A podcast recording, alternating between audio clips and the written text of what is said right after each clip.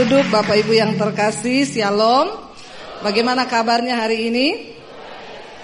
Luar biasa karena kita punya Tuhan yang luar biasa. Berapa banyak yang mau masuk dalam dimensi yang baru? Ketika kita mendengar tentang kata dimensi yang baru, apa yang ada di dalam benak saudara? Tahun ini punya rumah baru? Ya, apalagi banyak aplikasi di Facebook ramalan untuk tahun ini. Banyak orang Kristen yang ngeklik, ya maka tahun ini engkau akan punya rumah baru, rumah impianmu seperti ini. Jangan terlalu banyak hidup dalam halusinasi. Ya. Ketika mendengar tentang dimensi yang baru itu artinya kita akan bersiap masuk dalam dimensinya Tuhan. Dan saudara dimensinya Tuhan itu ketika kita mau masuk enak atau tidak? Halo? Masuk dalam dimensinya Tuhan enak atau tidak? Ya, tidak, tidak enak. Berarti nggak mau masuk. Mau, ya tidak enak buat dah daging, tapi membawa kita kepada kebahagiaan dan damai sejahtera. Biar kita mau bilang Tuhan di waktu-waktu yang sisa ini biar kami mematikan daging kami. Biar kami mau siksa daging kami untuk mencapai dimensinya Tuhan. Amin. Langsung saja kita buka yuk. Satu Korintus pasal yang kedua. Memasuki dimensinya Tuhan, menikmati berkat Tuhan, kita harus selaras dengan apa yang Tuhan mau dalam hidup kita. Satu Korintus pasal yang kedua ayat yang keenam mulai. Di sana dikatakan hikmat yang benar. Karena banyak orang Kristen katanya ikut Tuhan tapi hikmatnya tidak benar. Tidak hidup menurut jalannya Tuhan, tapi Tuhannya bikin jalan sendiri.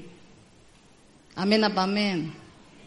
Lalu kalau sudah jadi masalah persoalan baru datang sama pendeta. Saya sudah salah jalan bu, ya. Ada orang yang datang sama saya, Bu Dewi saya mau bunuh diri. Kenapa? Saya ditipu bu 25 miliar. Saya bilang itu uang semua atau campur daun? Uang semua bu 25 M. Makanya saya pengen mati bunuh diri tapi nggak tahu kenapa tiap mau bunuh diri kan bukannya ibu. Dalam hati saya pret. saya bilang ibu harusnya ingat saya waktu punya uang 25 M. Bukan saya mau minta itu uang, bukan. Ya, kalau saudara mau ambil keputusan apa pun, tanya jalan Tuhan itu yang terbaik itu gimana. Kalau saudara tidak mengerti, tanya sama hamba Tuhan. Datang gini ya Bu Debi, ini kan saya punya uang 25 M. Terus, ini saya mau ikut saham Bu. Maka saya akan tanya, ibu mau ikut saham untuk apa dulu? Pengen cepat kaya. Sudah baca ayatnya? Emang ada ya bu? Ada. Belum tahu, saya bacakan. Barang siapa yang ingin cepat kaya, pasti akan jatuh dalam berbagai-bagai pencobaan. Itu sudah satu paket. Jadi selamat kalau sekarang ibu sedang menggenapi firman Tuhan. Kalau konseling sama saya jangan kecewa, jangan kepahitan. Karena saya ngomong apa adanya saja. Saya bukan tipe pendeta yang bermanis-manis di depan saudara. Ya, saya bilang apa adanya. Ibu sedang menggenapi firman. Siapa yang ingin cepat kaya jatuh dalam berbagai-bagai pencobaan. Nah, ini sedang ibu alami. Lah iya, terus gimana, Bu? Ya berserah. Jangan tanya 25M, saya juga cekot-cekot mikirin 25M, Ibu. Apalagi saya. Kebayang aja belum pernah punya uang 25 M di rekening. Saudara hidup ini kita butuh hikmat Tuhan. Kenapa? Karena untuk bisa menikmati jerih payahmu di dunia ini pun engkau butuh anugerah Tuhan. Ada orang dikasih karunia untuk mencari banyak. Tapi tidak diberi karunia untuk bisa menikmati dari hasil yang dia cari. Untuk itu pun kita butuh anugerah Tuhan. Makanya kita pengkhotbah berkata, aku telah melihat di bawah matahari ini, manusia itu diberikan pekerjaan oleh Tuhan untuk melelahkan diri saja. Sesungguhnya benar atau benar saudara, kita bangun pagi kerja, lalu kita tidur, capek, besok kerja lagi. Benar Alkitab bilang, manusia itu diberi pekerjaan hanya untuk melelahkan diri. Lalu kalau sudah lelah, pulang tidur, ngumpulin banyak, tapi belum tentu bisa dinikmati. Makanya saya suka bilang gini, jangan iri sama orang kaya. Karena yang berbahagia di dunia ini bukan orang kaya. Tapi orang yang hidup dalam perkenanan Tuhan. Amin. Nggak usah iri, enak banget ya punya uang ya. Wah miliaran-miliaran. Tapi pikirannya juga cekot-cekot mikirin cicilan. Amin. Ya. Orang kaya mikirin 10 M, otaknya pusing. Kita mikirin 10 juta, pusing nggak? Pusingnya sama nggak? Yang beda apanya? Nolnya. Jadi sesungguhnya manusia itu hanya ditipu oleh nol saja. Amin. Benar Alkitab bilang hidup ini adalah kesia-siaan. Makanya pengkhotbah mengingatkan akhir kata dari segala yang ditulis dalam kitab ini adalah hiduplah takut akan Tuhan. Karena sebanyak apa pun yang engkau miliki dalam hidupmu kalau engkau tidak hidup takut akan Tuhan, maka engkau tersesat dalam hidup ini. Engkau tidak akan menikmati kebahagiaan. Orang yang berbahagia, orang yang hidup dalam perkenanan Tuhan. Lalu dia bisa mensyukuri jerih lelahnya. Seberapapun itu, dia mensyukurinya. Itu pun anugerah Tuhan. Ya, ada orang yang gaji cuma 3 juta, tapi dia hidup berbahagia dengan istri dan anak-anaknya. Ada yang uang ratusan miliar, tapi cekot-cekot tiap hari. Saudara pilih yang mana?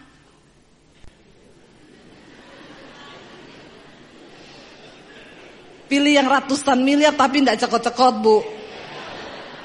Itu bukan pilihan. Itulah manusia. Apa sih artinya hidup ini? Saya satu kali naik taksi. Saya tanya sopir taksinya, Pak, udah berapa tahun jadi sopir taksi?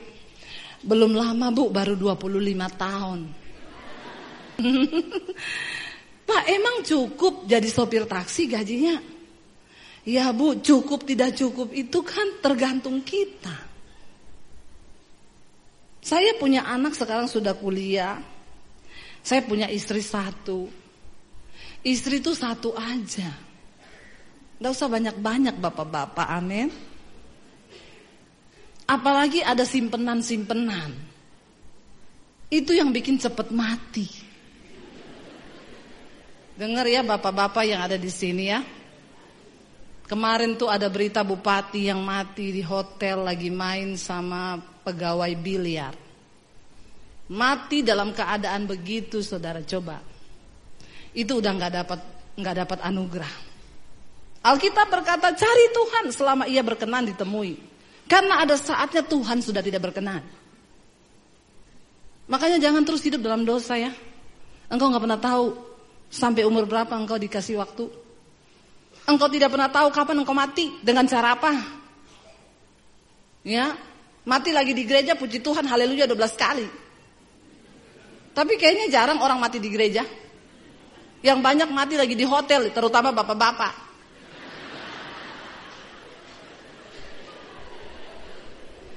Yang tertawa ibu-ibu.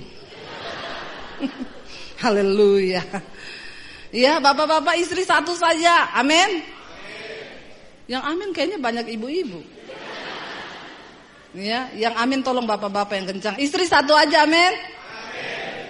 Nggak usah ada simpenan, amin. Kok mulai meredup? ya, saudara hidup ini nggak usah dibikin ribet.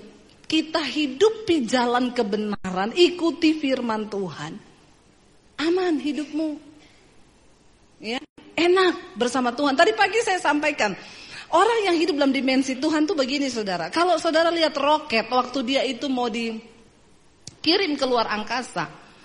Dia akan membutuhkan power yang cukup besar ketika dia harus menembusi atmosfer bumi. Itu segala kekuatannya dikerahkan powernya full untuk bisa tembusi atmosfer bumi. Tapi ketika dia sudah berhasil melewati atmosfer, dia nggak butuh power lagi. Dia tinggal melayang mengorbit, melakukan setiap tugas. Hidup ini begitu.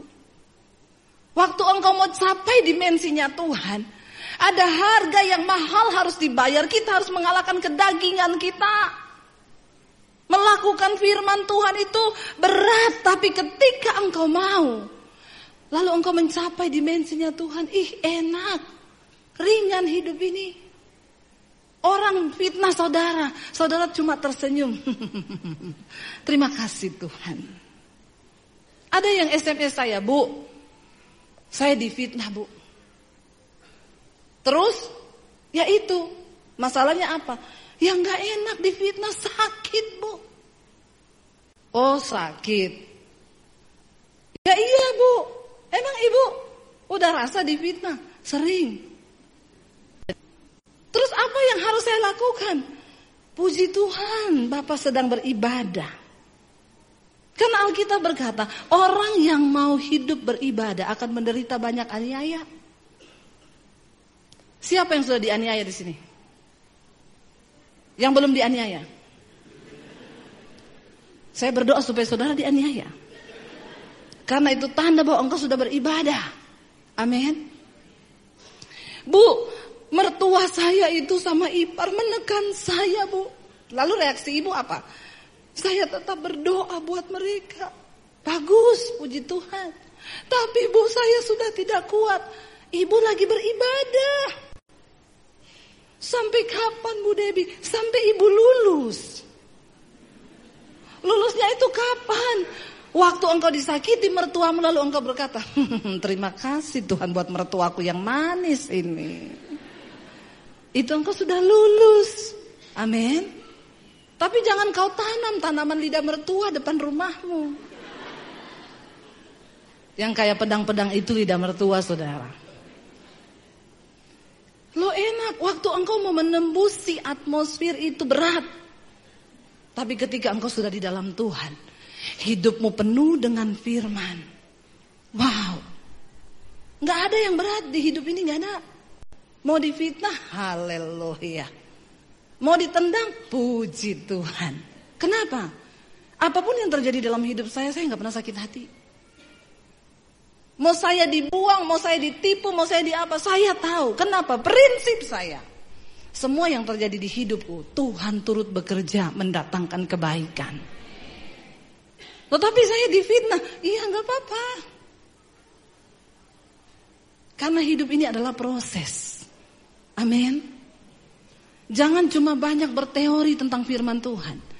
Tapi hidupi firman itu dalam hidupmu. Dan jangan bikin jalan sendiri. Ikuti jalannya Tuhan. Ada orang yang tanya, Bu, bagaimana supaya saya bisa mengalami Tuhan? Bagaimana saya bisa tahu jalan Tuhan? Bagaimana saya bisa dengar suara Tuhan? Ya kita baca sama-sama. 1 Korintus pasal yang kedua. Ayat yang ke-9 mulai. Ayat ini ayat hafalan kalau saudara punya Alkitab pasti di stabilo orange. Ya, di sana dikatakan 1 Korintus 2 ayat 9 baca sama-sama 1 2 3. Tetapi seperti ada tertulis, apa yang tidak pernah dilihat oleh mata dan tidak pernah didengar oleh telinga dan yang tidak pernah timbul dalam hati manusia, semua yang disediakan Allah untuk mereka yang mengasihi Dia. Lalu kita imani ayat ini, yes, yes, yes. Lo kan belum pernah dilihat. Bisa jadi itu penderitaan. Amin. Kan belum pernah didengar. Bisa jadi itu caci maki. Karena itu Alkitab berkata berbahagialah engkau apabila engkau jatuh dalam berbagai-bagai pencobaan. Karena engkau tahu bahwa ujian terhadap imanmu itu menimbulkan ketekunan. Bahkan untuk menderita pun kita harus bersyukur karena itu bentuk dari proses Tuhan. Tapi banyak orang Kristen gagal fokus. Kenapa? Karena engkau menilai berkat Tuhan itu hanya yang enak buat dagingmu. Kita berpikir kalau kita ikut Yesus masuk dalam dimensi yang baru. Yang naik motor jadi naik Avanza. Yang naik Avanza jadi naik. Yang naik Innova jadi naik Alphard.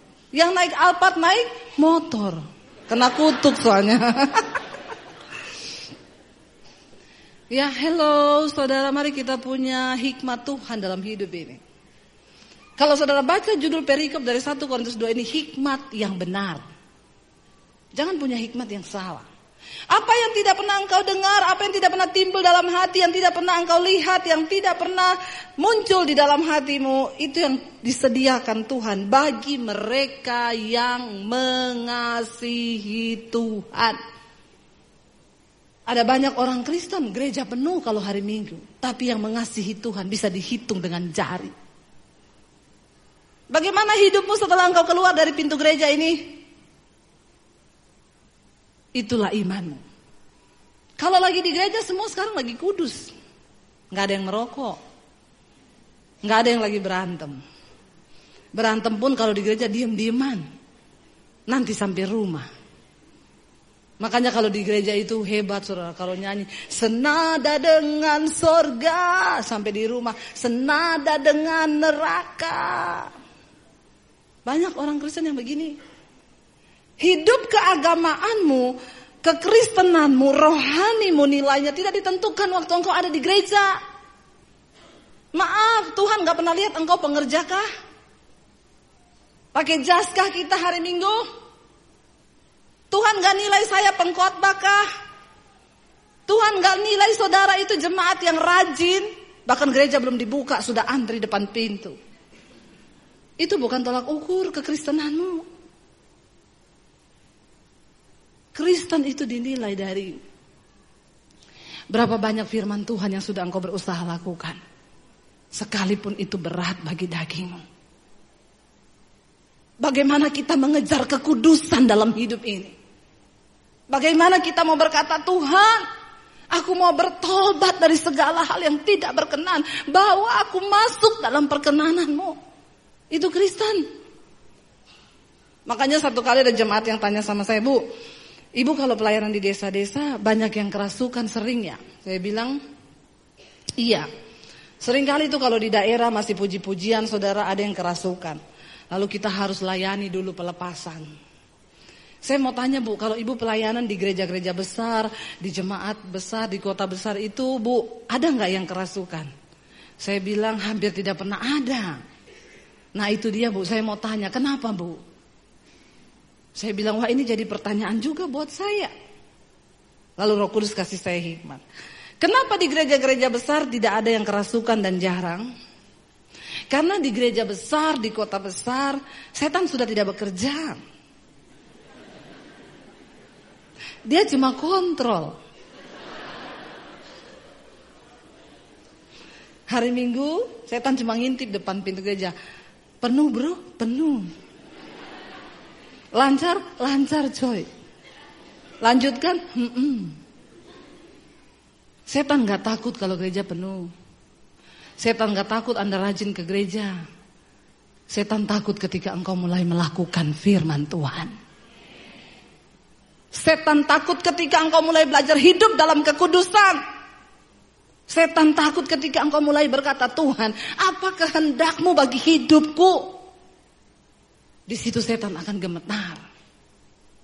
Ya. Kenapa di kota tidak ada yang kerasukan? Setan bilang, dagingnya udah gede. Saudara, daging kita ini tidak ada hubungannya sama setan.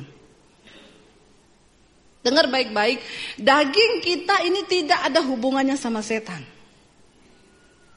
Dan Alkitab berkata, Keinginan daging itu telah nyata. Galatia 5, 19 sampai 21. Percabulan, kenajisan, hawa nafsu, amarah, kedengkian, iri hati, pertikaian, roh percederaan, ketamakan, kepentingan diri sendiri itu daging. Dan ingat daging kita tidak ada hubungannya sama setan. Ini daging. Makanya kalau ada orang selingkuh, jangan salahkan. Ada orang udah pelayanan selingkuh saudara. Kenapa kamu sudah pelayanan masih selingkuh? Udah punya istri, punya suami. Iya bu, gara-gara setan. Eh, eh, eh, eh. Setan yang lihat saudara ngomong gini. Ih enak di lu, sial di gua. Sampai setan bilang sama Tuhan. Saya udah gak mau jadi setan Tuhan. Kenapa? Manusia lebih setan dari setan. Orang dia ngikutin dagingnya, dia salahin setan. Hello? Dengar baik-baik, setan tidak akan pernah bisa melakukan kehendaknya dalam hidup kita. Kalau engkau tidak bekerja sama dengan dia dalam pikiranmu. Dan ingat percabulan, kenajisan, hawa nafsu, pertikaian itu bukan setan, itu daging. Amin. Makanya Rasul Paulus bilang, aku melatih tubuhku dan menguasainya seluruhnya. Supaya jangan setelah aku memberitakan Injil, aku ditolak sama Tuhan.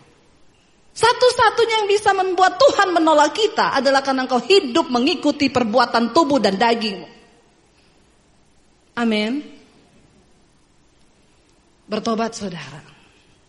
Ayat ini berkata begini, tetapi ada tertulis apa yang tidak pernah dilihat, tidak pernah didengar, nggak pernah dilihat oleh mata, tidak pernah timbul dalam hati Tuhan sediakan bagi mereka yang mengasihi Dia. Ayat 9 ayat ayat 9 berkata ayat 10. Karena kepada kita Allah telah apa? Menyatakan oleh roh. Sebab roh menyelidiki segala sesuatu. Bahkan hal-hal yang tersembunyi dalam diri Allah.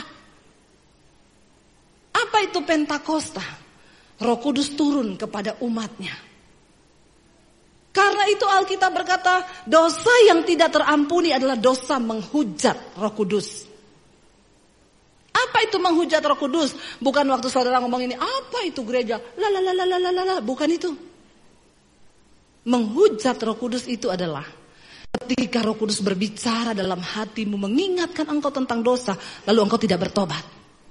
Engkau terus hidup dengan dagingmu. Roh Kudus ngomong itu dosa. Lu jangan selingkuh, itu dosa. Kita tetap selingkuh.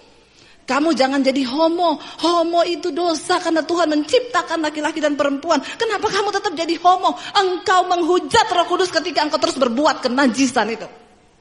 Roh Kudus sudah ngomong, jangan jadi pelakor.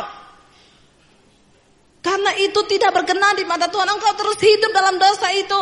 Engkau menghujat Roh Kudus. Waktu engkau ada dalam kepahitan, Roh Kudus bicara, ampuni orang yang menyakiti kamu. Karena firman Tuhan berkata, ampunilah orang yang menyakiti hatimu dan engkau tetap kepahitan, engkau menghujat Roh Kudus loh. Setiap hari Roh Kudus itu berbicara. Mengingatkan kita tentang hukum-hukum Tuhan. Saudara baca Alkitab atau tidak, sebenarnya Tuhan menaruh hukumnya dalam hati manusia. Siapa yang mengingatkan? Roh Kudus. Dan ketika Roh Kudus bicara, engkau nggak pernah dengar. Tiap hari engkau hidup terus dengan dosamu maka engkau sudah menghujat Roh Kudus dan hidupmu berjalan kepada kebinasaan itu dosa yang tidak terampuni. Amin. Siapa yang bisa menyelidiki Allah? Roh Allah itu sendiri. Sekarang kita mulai temukan ini. Bagaimana cara kita mengenal Tuhan, mengenal jalannya, mengetahui isi hati Tuhan. Ya engkau harus dipenuhi roh kudus. Hidupmu harus dipimpin oleh roh kudus. Namanya juga roh kudus. Pasti dia suka sesuatu yang kudus. Bukan rokok. Kudus.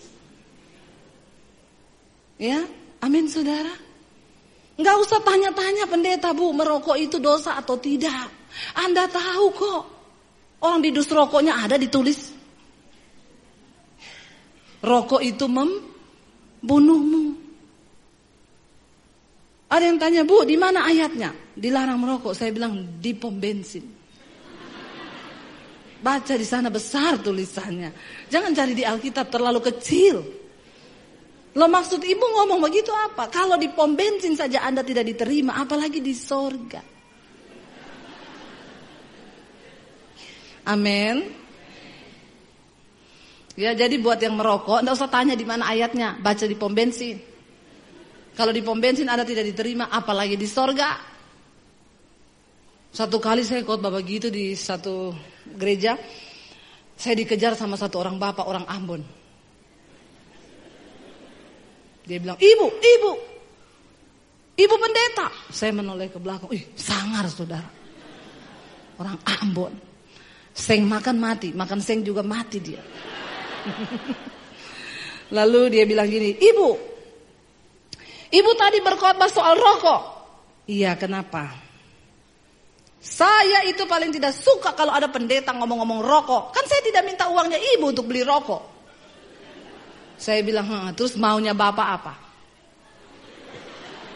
Maksudnya saya panas saudara, baju saya ya. Dia bilang, tapi tadi ibu bilang, sedangkan di pom bensin saya tidak diterima, apalagi di sorga. Saya pikir-pikir itu masuk akal ibu. Ternyata sering kali kita nggak perlu khotbah ribet. Yang gampang aja orang masuk sebenarnya. Enggak usah pakai bahasa Ibrani, Yunani, jadi pusing jemaat. Itu biar untuk konsumsi kita sendiri saja yang belajar, amin. Enggak usah dikasih ke jemaat, nanti bingung. Dari bahasa Ibrani-nya rokok itu artinya. Semakin tidak pusing lagi dia. Dia bilang, jadi ketika saya dengar ibu bilang, jangankan di sorga, di pom bensin saja engkau tidak diterima. Ih saya pikir-pikir, betul itu ibu. Jadi jadi hari ini juga saya sudah memutuskan tadi ibu, saya mau berhenti merokok. Lalu dia tanya, ibu punya tips ibu supaya saya bisa berhenti secara instan begitu? Atau ibu bisa tumpang tangan kepada saya? Saya bilang, saya tumpang kaki juga tidak bisa. Jadi bagaimana ibu? Jadi begini saja, bapak itu kan namanya iman itu berlatih pak, ya, nggak ada yang instan. Bapak berlatih. Hari ini bapak berhenti, besok iblis goda tuh, ambil lagi itu rokok, ya. Nanti kalau bapak berhenti merokok, bapak cium semua itu baunya rokok, ya, biar bau masakan rokok. Orang lewat bau ketek rokok. Karena itu sakau saudara ya. Tapi Bapak jalani aja itu proses Pak. Terus Bu, kalau saya kepengen ambil aja rokoknya. Terus hidupin, iya hidupin ya Bu, iya. Tapi waktu Bapak mau isep puter, apinya taruh di bibir. Oh begitu ya Ibu ya? Iya, Bapak lakukan tuh sehari tiga kali. Maka saya yakin Bapak berhenti, kenapa? Bibirmu melepuh. Bukan apa-apa. Lebih baik kena api rokok daripada kena api neraka. Dia langsung bilang, baik ibu. Terima kasih ibu. Lalu saya bilang, Pak, jangan cuma mau, tapi niat. Karena mau dan niat itu beda. Ada orang-orang Kristen bilang, Bu, saya mau keluar dari dosa saya. Kamu mau atau niat? Iya mau bu. Kalau cuma mau, percuma. Harus ada niat. Ada yang telepon saya, Bu, saya jatuh dengan teman kos saya. Akhirnya kami jadi pasangan lesbi. Saya dengar khotbahnya ibu, saya mau keluar dari dosa. Kamu mau atau niat?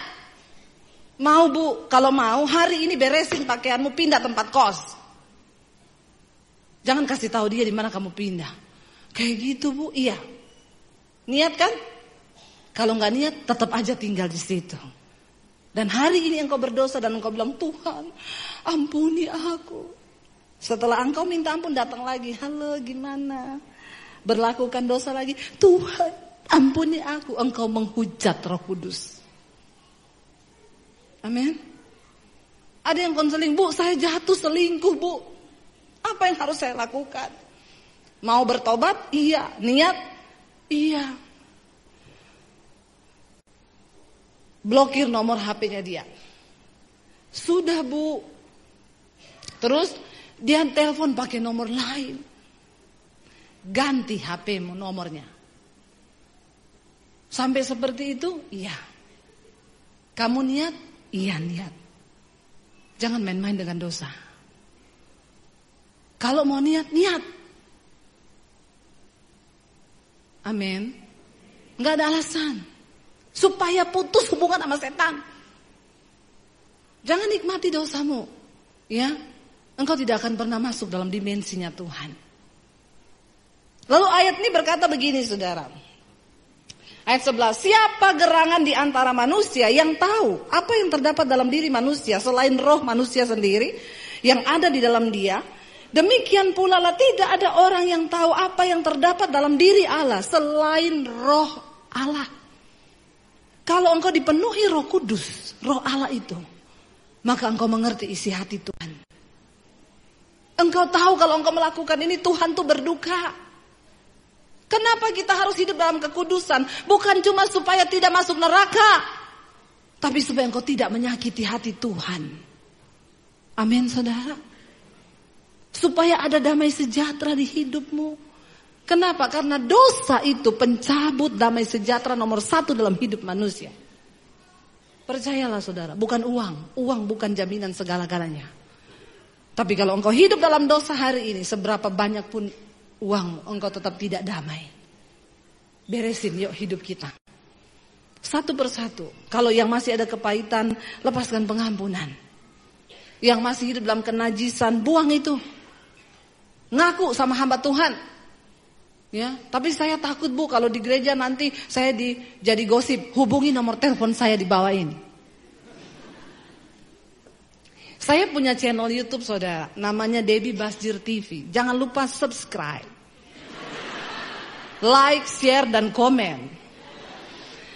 Beberapa waktu yang lalu Tuhan suruh saya untuk bergerak di dunia media. Saya tidak pernah punya pikiran jadi youtuber, enggak. Tapi saya pengen beritakan Injil. Lalu Tuhan mulai kasih dari dari dari dari yang sederhana kita nggak punya peralatan canggih. Kalau di sini kameranya, wuh canggih semua nih. Enggak, saya cuma pakai handphone waktu itu. Apa yang Tuhan taruh di hati, saya syuting tayangkan lewat YouTube.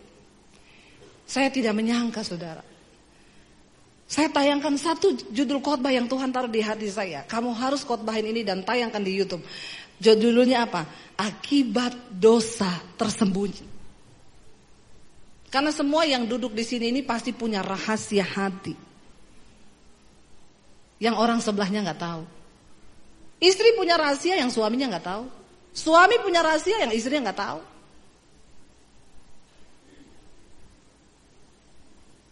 Tidak usah angkat tangan. Di dalam hati saja. Lalu saya tayangkan khotbah itu. Yang nonton hampir 100 ribu. Tiba-tiba, Bu, minta nomor HP dong. Saya kasih nomor saya 081567037795. Satu lagi Bu minta nomor HP, saya kasih. Kalau yang nonton 100 ribu, yang konseling seperapat saja. Sudah berapa itu saudara? Lalu HP saya tiba-tiba error. Bunyi-bunyi sendiri ting ting ting ting ting ting ting ting ting ting ting ting ting ting. Saking yang konseling itu banyak. Tapi saya bahagia. Saya mulai konselingin satu-satu. Bu, saya ada dosa tersembunyi bu, saya mau ngaku. Ada seorang homo yang mengaku sama saya. Saya homo bu, saya mau ngaku bu, saya gini gini gini gini. Saya bilang puji Tuhan. Kalau kamu dengar khotbah saya lalu kamu tergerak untuk mengakui dosamu itu artinya Roh Kudus bicara. Iya bu, sejak saya dengerin khotbah ibu, saya nggak tahu tiap malam sebelum tidur ada suara yang datang di telinga saya dan berkata, tinggalkan dosamu dan bertobatlah. Lalu dia tanya sama saya, itu suaranya siapa bu? Suara Tuhan, suara Roh Kudus. Masa itu suara roh kudus bu? Roh kudus bicara sama saya? Iya. Karena tugas roh kudus yang pertama adalah menginsyafkan dosa. Jadi bu, apa yang harus saya lakukan? Ih, saya takut bu. Lah iya makanya bertobat. Lalu dia terbuka sama saya. Saya homo. Gini, gini, gini. Berarti itu suara Tuhan ya bu? Iya. Kalau kamu lagi stres lalu kamu dengar suara berkata, pergilah dugem ke diskotik, itu suara setan. Jangan kamu bilang begini, terima kasih Tuhan. Engkau tahu aku lagi stres, engkau suruh aku ke diskotik. Itu setan. Kalau engkau jengkel sama orang, lalu engkau dengar suara hatimu atau ada orang di sampingmu yang ngomong, iya ya, memang kebangetan orang itu, kurang ajar banget. Terus anda bilang, memang itu setan. Tapi itu tetangga saya bu, iya menjelma dari setan. Jangan kau dengar, amin. Apa yang engkau dengar hari-hari ini itu akan menentukan jalan hidupmu. Waktu saya sudah habis. Padahal baru pembukaan. 10 menit lagi boleh? Kenapa engkau sudah naik? Jangan mengintimidasi saya. Ya saudara, jalani jalannya Tuhan, ikuti. Akhirnya dia bilang gini, Bu, apakah seorang homo bisa sembuh? Bisa. Tapi semua orang bilang tidak bisa. Bisa Tuhan bilang. Kenapa? Karena dari awal Tuhan menciptakan hanya laki-laki dan perempuan. Lain dari itu dari setan. Jadi saya bisa sembuh bu, iya. Ibu saya ada di luar kota Jakarta. Saya akan cari tiket pesawat. Saya mau ke Jakarta. Saya mau ibu tumpang tangan atas saya. Jangan. Kenapa? Sayang uang tiketmu. Tidak ada satu pendeta hebat pun yang bisa tumpang tangan ke atasmu lalu engkau bisa sembuh. Lalu siapa ibu? Biar saya tumpang kaki juga tidak bisa. Lalu siapa? Dirimu sendiri bersama Tuhan. Ayo punya niat. Apa yang harus saya lakukan? Nomor satu, setiap bangun pagi engkau berdoa berkatakan dalam nama Yesus, aku diciptakan sebagai seorang laki-laki. Roh homo keluar dari dalam diriku. Roh banci keluar karena aku seorang laki-laki. Perkatakan firman Tuhan itu. Baik bu, saya berdoa sama dia lewat telepon. Berdoa lewat telepon aja dia bilang, aduh bu saya mau muntah. Lari-lari ke toilet sekarang muntah dalam nama Yesus pelepasan. Lalu dia melakukan itu. Sebulan kemudian dia telepon saya, Bu, beneran loh. Setelah saya melakukan hal itu. Sekarang saya benci sama kenajisan itu. Saya jijik sama dosa saya. Lalu saya sudah putuskan pacar saya kemarin. Yang namanya Bambang. Di sini tidak ada yang nama Bambang kan? Kalau ada saya ganti Ivan. Kalau ada Ivan lagi saya ganti. ya. Itu hanya nama samaran. Benar saudara. Lalu nih orang niat nih begini orang niat. Lalu bu saya sekarang sudah keluar dari komunitas homo saya. Kita punya komunitas gay. Itu yang ketangkap ketangkap di Jakarta itu. Cowok-cowok ganteng, six pack. Makanya sekarang saudara buat perempuan tidak usah berharap dapat cowok six pack. Karena yang six pack sudah punya cowok. Tidak apa-apa one pack, yang penting normal. Amin. ya. Benar saudara. Ketangkep mereka semua sudah punya istri loh. Saya lihat di Instagramnya anaknya cakep-cakep, istrinya cantik. Ditanyai di polisi, bapak-bapak ini sudah punya istri cantik semua, kenapa masih main perempu, masih main laki, cowok? Dia jawab, karena setiap kami mau keluar rumah, istri kami selalu berpesan, jangan main perempuan.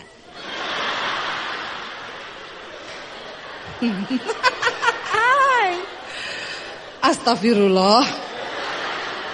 Subhanallah. Jadi tolong ibu-ibu sekarang kalau berpesan kepada suaminya, Ditambahin, Pak, jangan main perempuan ya, apalagi main laki-laki.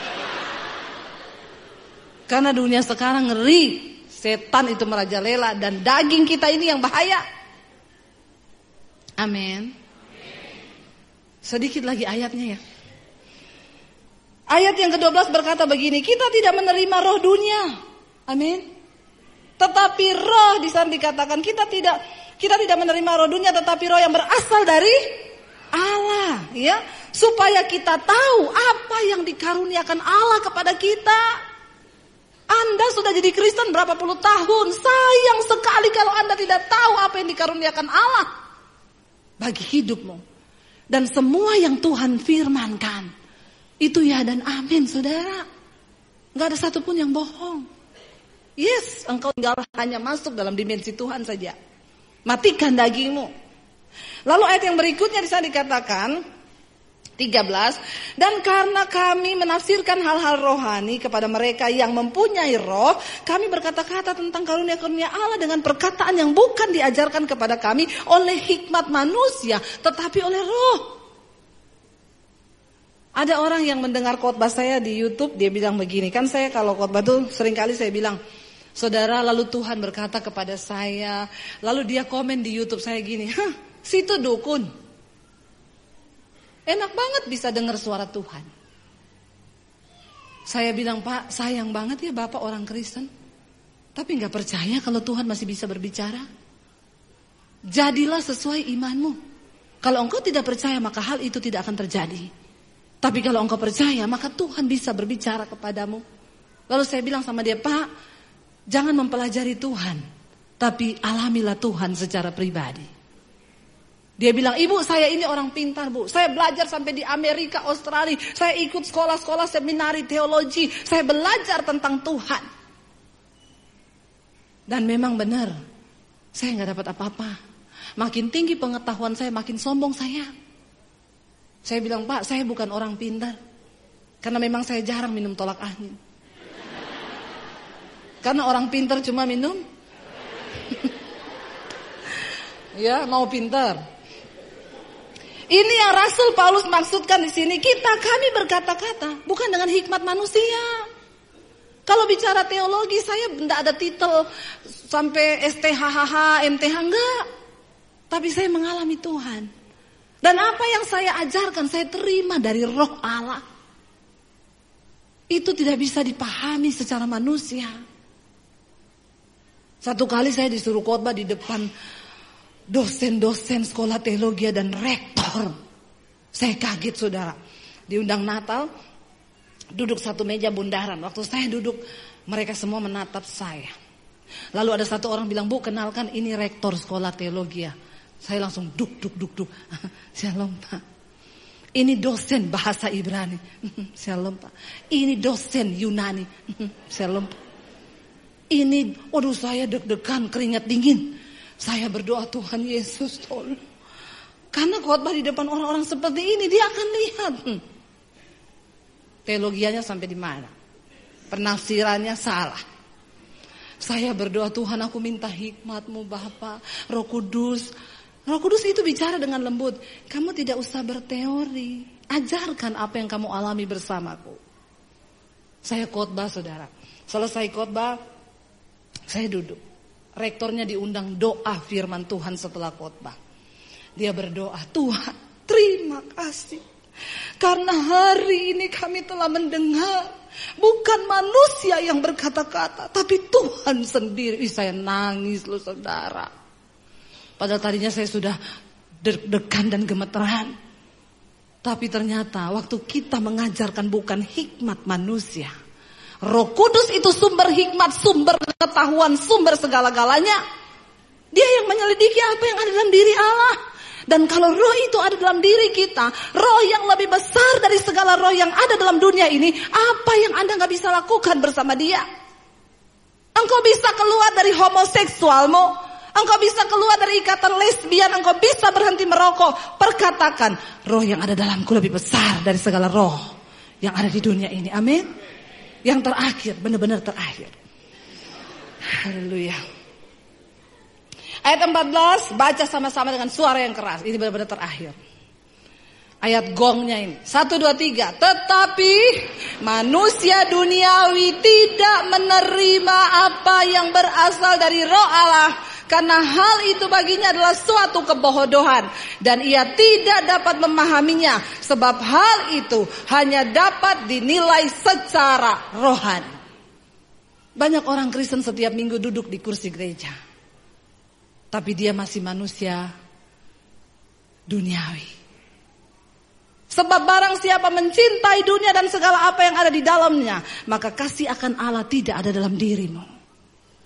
Apa yang ada dalam dunia ini? Cuma tiga hal. Keinginan mata, keinginan daging, dan keangkuhan hidup. Kenajisan, percabulan, itu yang ada dalam dunia ini. Kesombongan. Dan kalau engkau mencintai dunia, maka engkau tidak akan pernah mengerti kehendak Tuhan. Engkau tidak akan pernah bisa masuk dalam dimensinya Tuhan. Saya berdoa biar hari ini kita semua mau mengalami dimensinya Tuhan. Mari kita bangkit berdiri bersama. Terima kasih Bapak, kami mengucap syukur untuk anugerah Tuhan dalam hidup kami. Ini hidup kami Tuhan. Hidupku menggenapi firman-Mu. Tanda mujizat sertai tiap langkahku.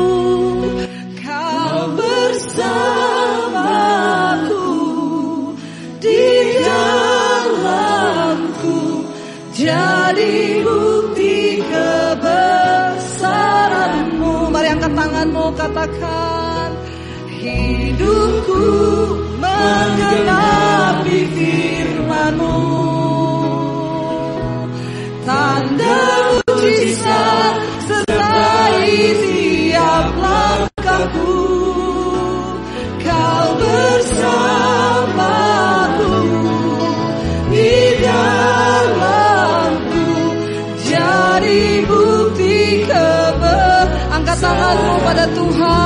Katakan ini menjadi komitmen hidupku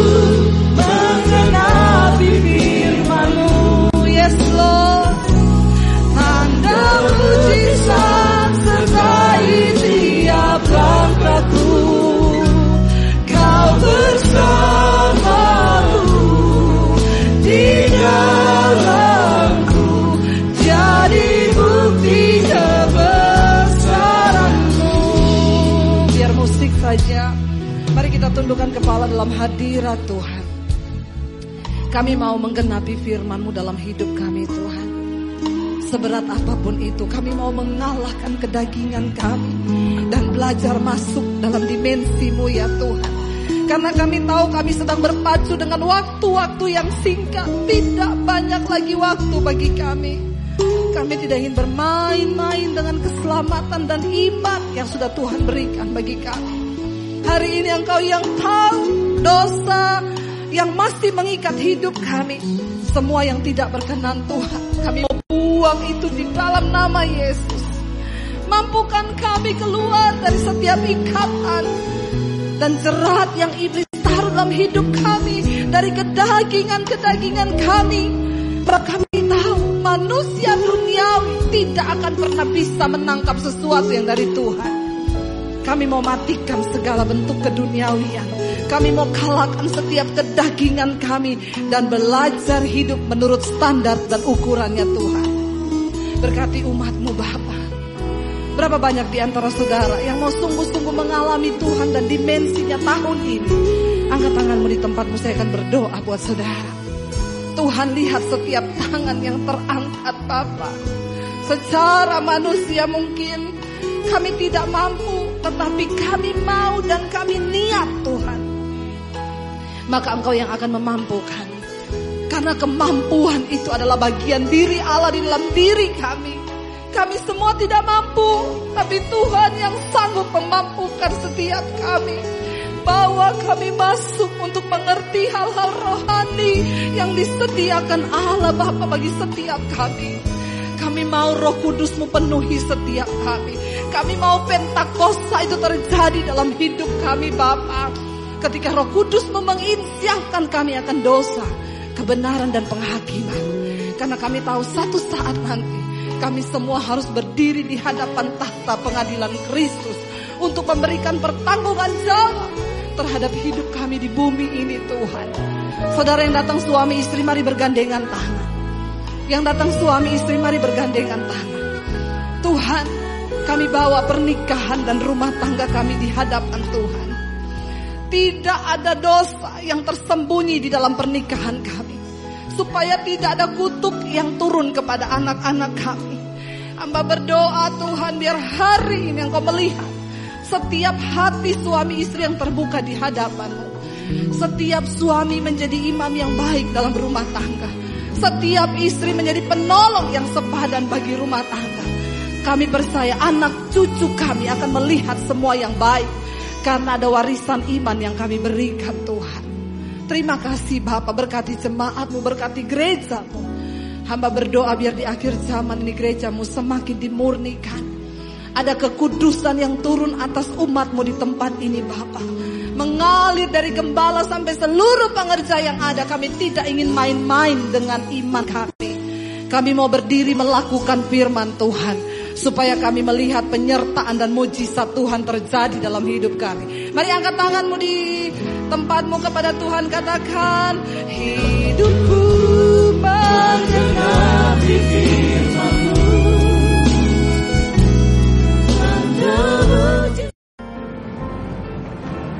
Shalom saudara, jika Anda merasa diberkati dengan channel YouTube saya, Anda bisa komen, like, dan share.